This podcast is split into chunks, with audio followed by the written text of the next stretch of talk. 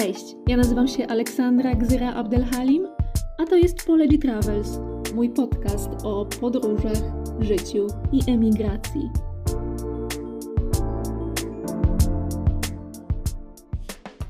Dzień dobry, moje drogie słuchaczki i moi drodzy słuchacze.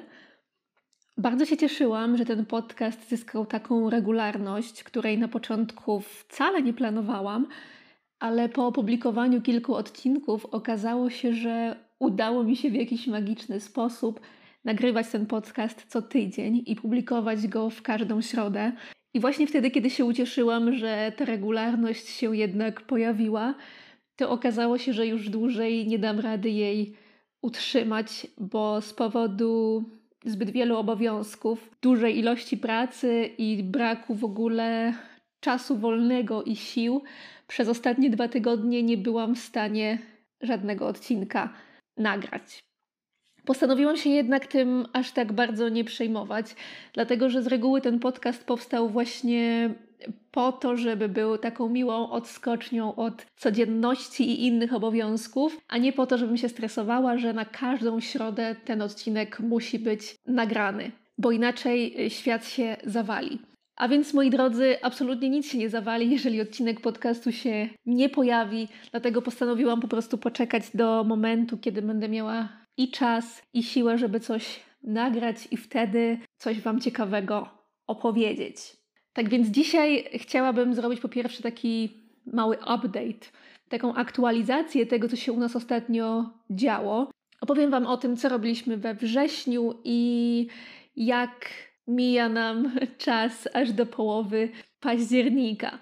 W ogóle wrzesień to był taki miesiąc przyjmowania gości. Ja, odkąd wynajęliśmy swoje własne mieszkanie na Malcie, zaprosiłam tutaj do nas najbliższych znajomych i rodzinę, ale ze względu na różne restrykcje, które się pojawiały tutaj na Malcie, ze względu na obecną sytuację, no bardzo trudno było sobie cokolwiek zaplanować i nikt z naszych bliskich nie planował przyjazdu na Maltę. I to się wyjątkowo zmieniło właśnie we wrześniu, bo okazało się, że we wrześniu będziemy mieć sporo gości. I bardzo się z tego ucieszyliśmy, dlatego że trochę nam było smutno i cicho samym w mieszkaniu. Dlatego ucieszyliśmy się, że ktoś nas w końcu odwiedzi.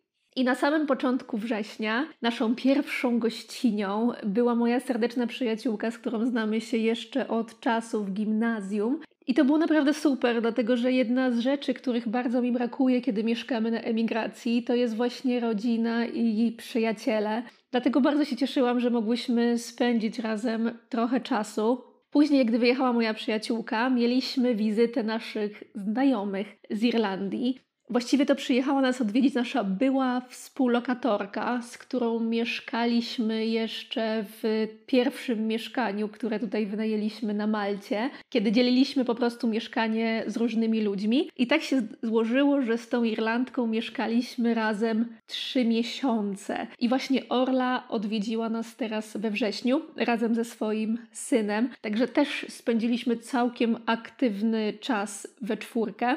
Potem, kiedy wyjechali nasi znajomi z Irlandii, to przyjechali znajomi mojego męża z Polski, a na koniec września y, przyjechał do nas mój kuzyn razem ze swoją rodziną, to znaczy ze swoją żoną i malutkim synkiem, którego dopiero miałam okazję poznać z racji tego, że nie było nas po prostu w Polsce, to jeszcze nie mieliśmy okazji się zobaczyć na żywo, więc to też było fajne doświadczenie, że mogłam poznać nowego członka rodziny i mogliśmy spędzić wspólnie trochę czasu. I słuchajcie, tak nam właśnie upłynął wrzesień na wizytach i spędzaniu czasu z bliskimi. To był bardzo pracowity miesiąc, bardzo aktywny, ale w taki bardzo pozytywny sposób. I tak naprawdę nie mieliśmy za bardzo czasu, żeby zajmować się gdzieś tam naszą działalnością internetową, ani blogiem, ani ja nie miałam czasu nagrywać podcastów. Także dopiero jak pożegnaliśmy naszych ostatnich gości, to zaczęliśmy odpoczywać i wracać do takiego normalnego trybu pracy, jaki mieliśmy do tej pory, żeby pojawiały się filmy, żeby mogły się znowu pojawiać podcasty i żebyśmy byli troszeczkę bardziej aktywni w naszych mediach społecznościowych. Kolejny update dotyczy pogody, bo jest już połowa października, a pogoda na Malcie się dosyć zmieniła.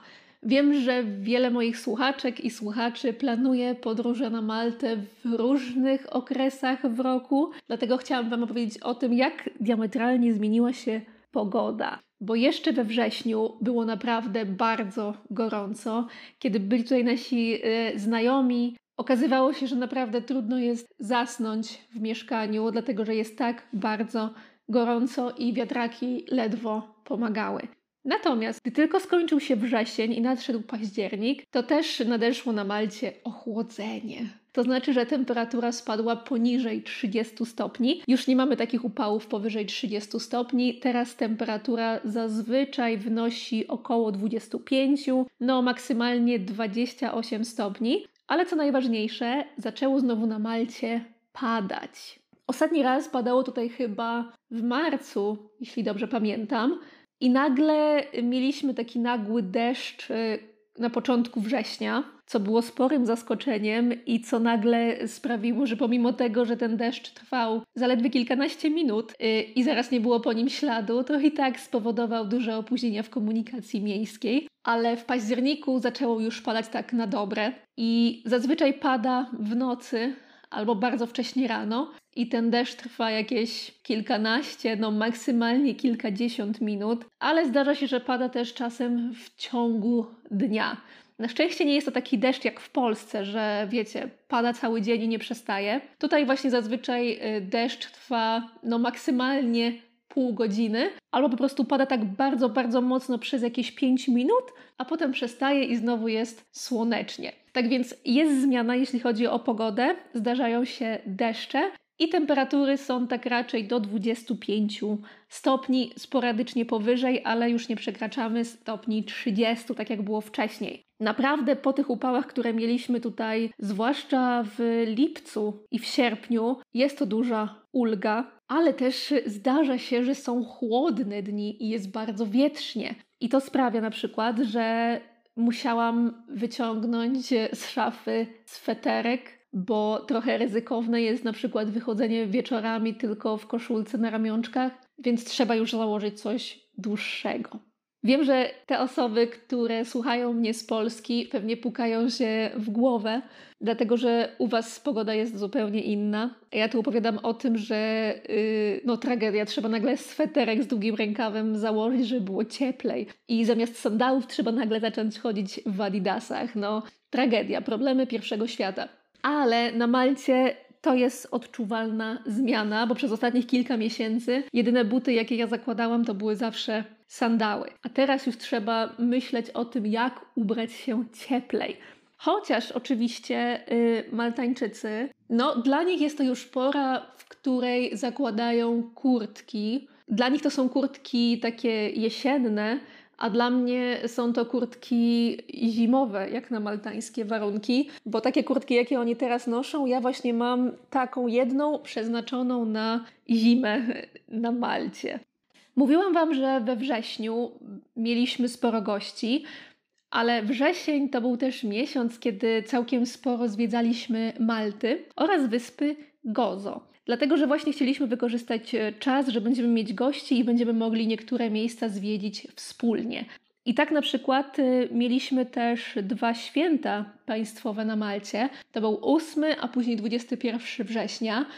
8 września na Malcie celebruje się Victory Day, czyli Dzień Zwycięstwa. Tego właśnie dnia odwiedziliśmy sobie razem z Mohamedem Fort Sant Angelo, czyli Fort y, Świętego Anioła, znajdujący się w miejscowości Birgu. I to jest bardzo piękne miejsce. Polecam Wam, jeżeli wybieracie się na Maltę i jesteście zainteresowani maltańską historią, to jak najbardziej warto to miejsce odwiedzić. A drugie miejsce, jakie odwiedziliśmy, it to była wyspa Gozo. I to nie był pierwszy raz oczywiście, kiedy byliśmy na wyspie Gozo, ale tym razem zwiedziliśmy naprawdę sporo miejsc, dlatego że nasi znajomi z Irlandii również chcieli je zobaczyć, więc po prostu zrobiliśmy sobie taki aktywny cały dzień na Gozo y, z bardzo dokładnym zwiedzaniem różnych lokalizacji. Jeżeli oglądacie nasze inne filmy na YouTubie, to bardzo Wam polecam, bo z obydwu tych miejsc i z Fortu Sant'Angelo i właśnie z wyspy Gozo powstały dwa filmy. Bardzo polecam Wam je zobaczyć, jeżeli chcecie się jakoś zainspirować na Wasze przyszłe podróże na Maltę. Nie wiem, czy pamiętacie, drugi odcinek tego podcastu y, nosi tytuł Maltańskie absurdy. I opowiadałam Wam o różnych dziwnych sytuacjach, jakie mieliśmy tutaj z maltańskimi urzędami. I powiedziałam nawet w tym odcinku, że nie zanosi się na to, żebyśmy mieli jakieś kolejne problemy w przyszłości. I wyobraźcie sobie, że nie mogłam się bardziej pomylić, bo okazało się, że życie na Malcie no, chłoszcze nas po twarzy, tak, że bardziej już się nie da. I oczywiście pojawiły się nowe historie z maltańskimi urzędami. I to jest kolejna aktualizacja, którą chciałam Wam zrobić.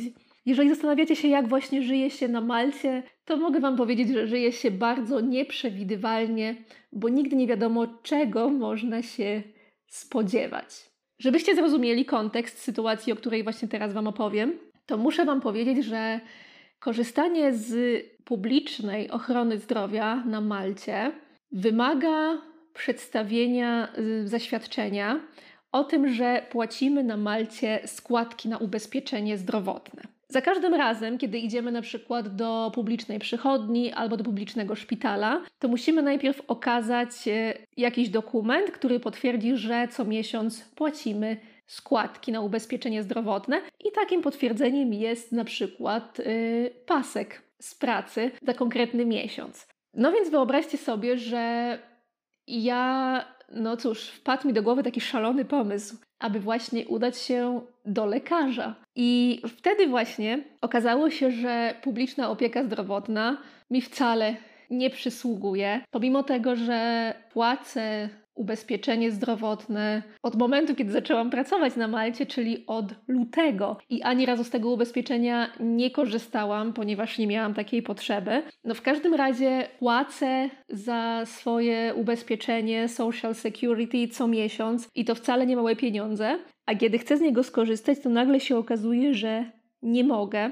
ale bowiem na moim pasku z pracy moje nazwisko to nie jest Aleksandra Gzyra Abdelhalim, tylko Aleksandra Abdelhalim. W związku z tym, dla osób sprawdzających te informacje w placówce, pokazuje pasek zupełnie innej osoby. Ja w ogóle nie do końca rozumiem, dlaczego to wygląda tak, że ja idąc do lekarza muszę przedstawiać dowód na to, że ja płacę składki.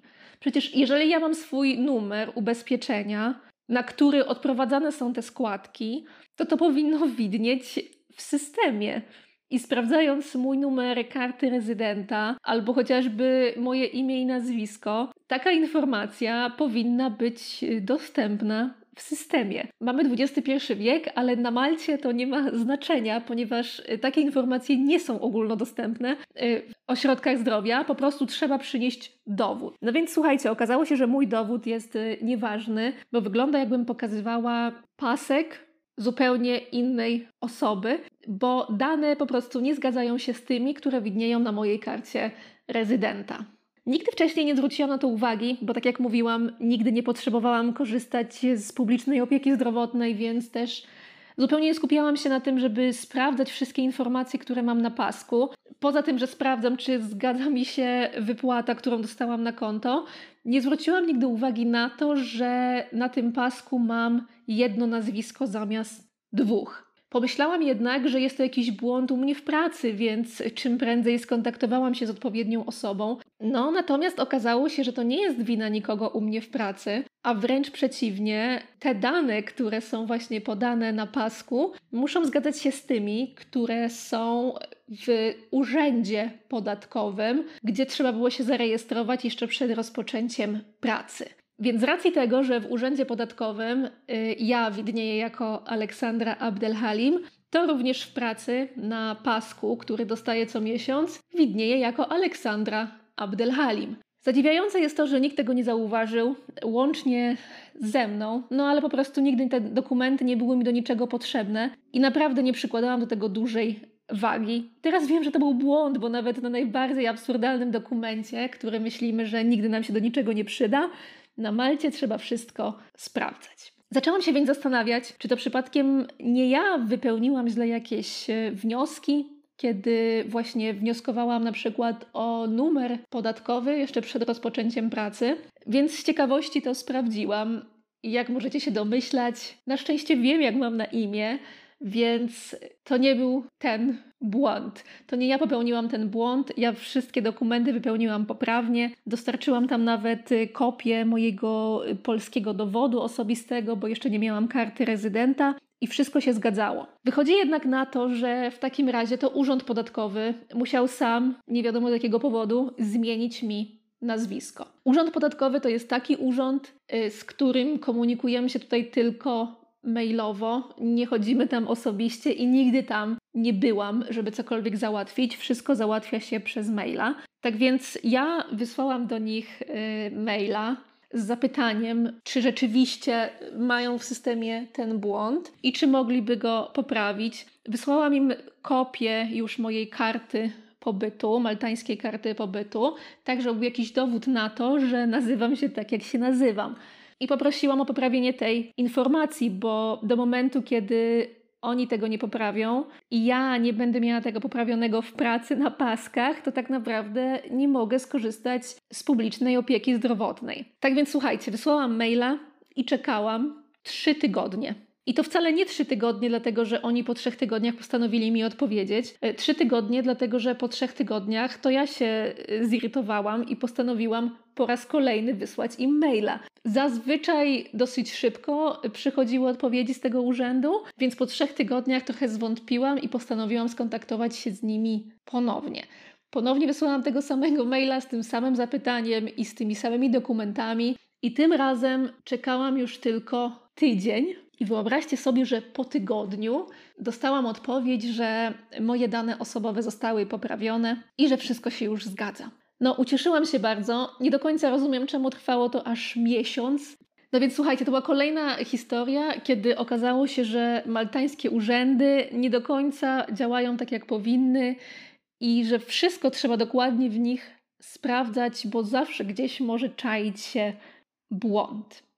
Ostatecznie cała ta sytuacja nie kosztowała mnie jakichś specjalnych problemów. Poza tym, że się po prostu irytowałam i że opóźniły mi się różne wizyty u lekarza. Szczęście w nieszczęściu jest takie, że ja mam jeszcze prywatne ubezpieczenie zdrowotne, z którego głównie korzystam i gdzie nie muszę mieć żadnego zaświadczenia o tym, że płacę podatki, bo to ubezpieczenie jest po prostu opłacane oddzielnie. Gdyby taki błąd trafił na osobę, która takiego ubezpieczenia nie ma, albo gdyby trafiło na przypadek, że ktoś rzeczywiście nagle potrzebuje wizyty w szpitalu, bo uległ jakiemuś wypadkowi czy jakiejś innej losowej sytuacji, to naprawdę ktoś miałby duże problemy. Cieszę się, że w tym wszystkim nie był to mój przypadek i nie byłam w takiej sytuacji, że musiałam nagle y, pójść do szpitala, bo wtedy byłabym w bardzo nieciekawej sytuacji. Naprawdę byłby to duży problem. Wrzesień to był też miesiąc, kiedy czekały nas remonty w budynku, w którym mieszkamy. Ostatnie dni września to była środa i czwartek. I w środę zaczęli u nas y, pod budynkiem skuwać y, podłogę, to znaczy kostkę, która jest tuż przed klatką, i podłogę w środku budynku na parterze, dlatego że w czwartek mieli nam wymieniać rury. No i wyobraźcie sobie, że wymiana rur oczywiście miała trwać kilka godzin w czwartek.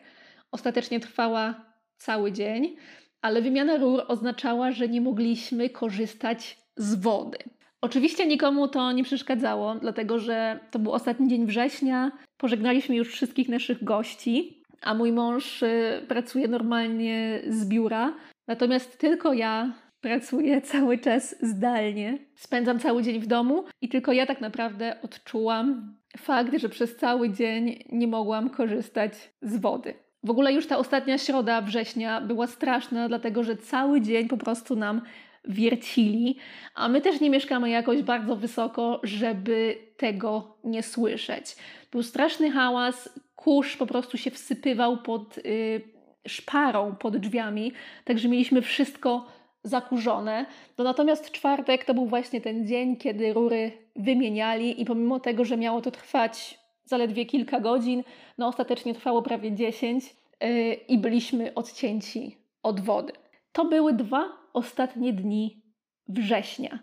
A teraz pewnie zastanawiacie się, jak długo y, trwało sprzątanie po całym tym wydarzeniu. Tak więc spieszę Wam już powiedzieć, że tak jak wszystko na Malcie trwało bardzo długo. Dlatego, że dzisiaj mamy środę i minęły już dwa tygodnie od tego, kiedy oni tę podłogę skuli i do tej pory nic nie zostało sprzątnięte.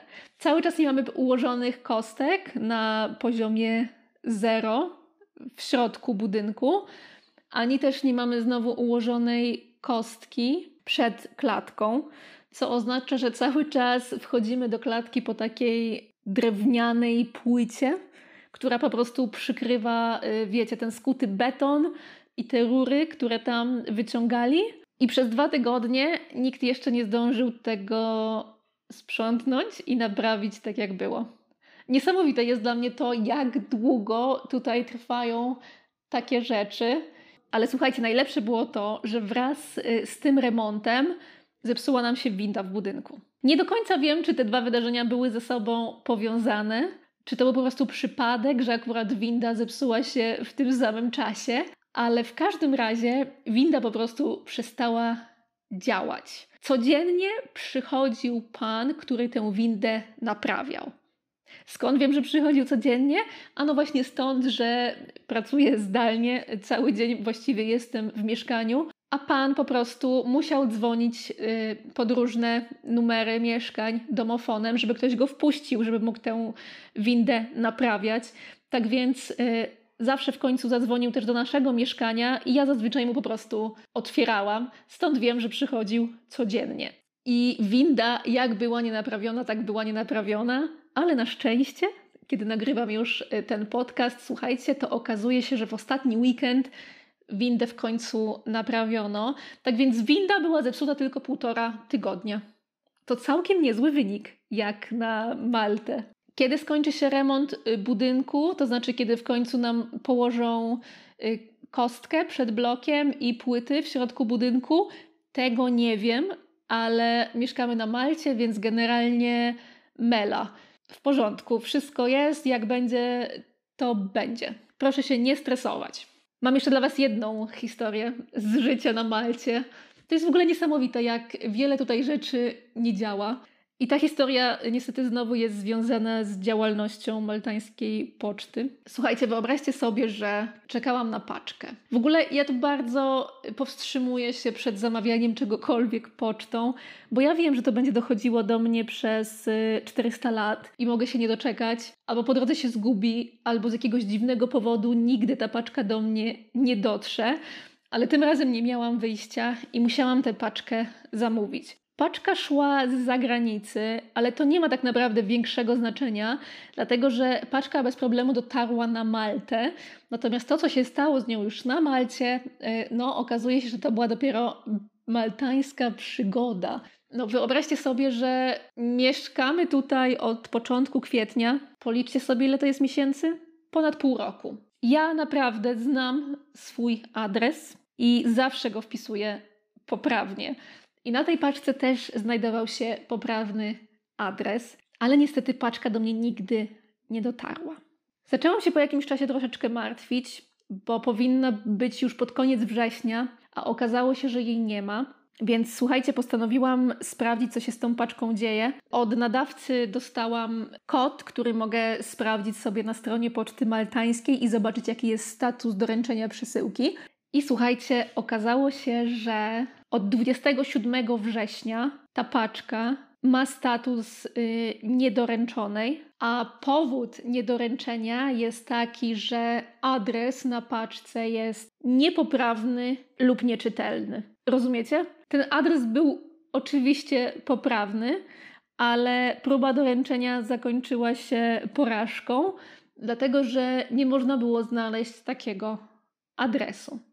Jest to całkiem interesujące, biorąc pod uwagę to, że budynki na Malcie mają swoje nazwy.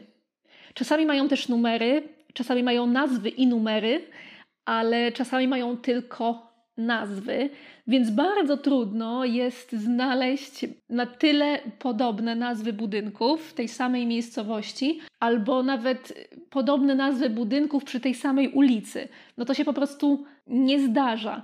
No niestety, okazało się, że adres na mojej paczce był albo nieczytelny, albo niepoprawny i po prostu paczka nie została dostarczona. Wykonałam więc telefon do obsługi klienta maltańskiej poczty, aby zapytać, y, co się z tą paczką dzieje.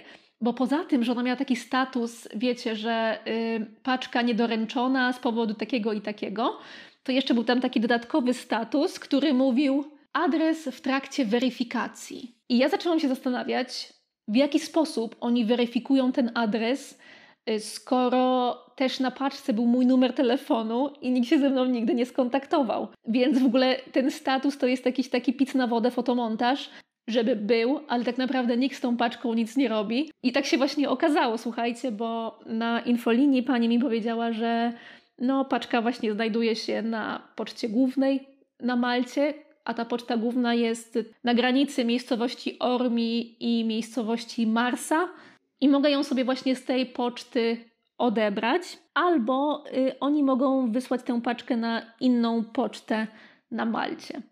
To była bardzo podobna sytuacja do tej, o której Wam opowiadałam, że miała właśnie nasza współlokatorka y, z Irlandii, kiedy mieszkaliśmy jeszcze wspólnie w jednym mieszkaniu. Jej sytuacja jednak skończyła się na tym, że ona pojechała na tę pocztę główną i nikt jej przesyłki nie wydał, tylko musiała właśnie ona zostać odesłana do poczty lokalnej. Więc słuchajcie, ja tak jechałam trochę niepewnie na tę pocztę główną na drugim końcu Malty, bo nie byłam pewna, czy oni mi tę paczkę wydadzą. Ale na całe szczęście y, się udało. Zmarnowałam pół dnia po to, żeby tam pojechać y, po paczkę, która została mi niedoręczona z jakiegoś absurdalnego powodu złego adresu, chociaż adres był bardzo poprawny, ale na szczęście udało mi się ją odebrać. Po dwóch tygodniach, moja paczka spędziła tam dwa tygodnie, e, całe szczęście. Pomyślałam po prostu w końcu o tym, że coś musiało z nią pójść nie tak, bo powinna już do mnie dojść, e, bo inaczej myślę, że ona też by tam przeleżała jakieś 300 lat i nikt by na nią nie zwrócił uwagi, albo ostatecznie odesłałby ją z powrotem do nadawcy, co już w ogóle byłoby tragedią. Ale to był pierwszy i ostatni raz, kiedy zamówiłam jakąkolwiek paczkę na Maltę. Naprawdę już nigdy nie popełnię tego błędu. Y, mam nadzieję, że nie będę zmuszona przez sytuację żadnej paczki tutaj odbierać, bo nigdy nie wiadomo, co się z nimi stanie.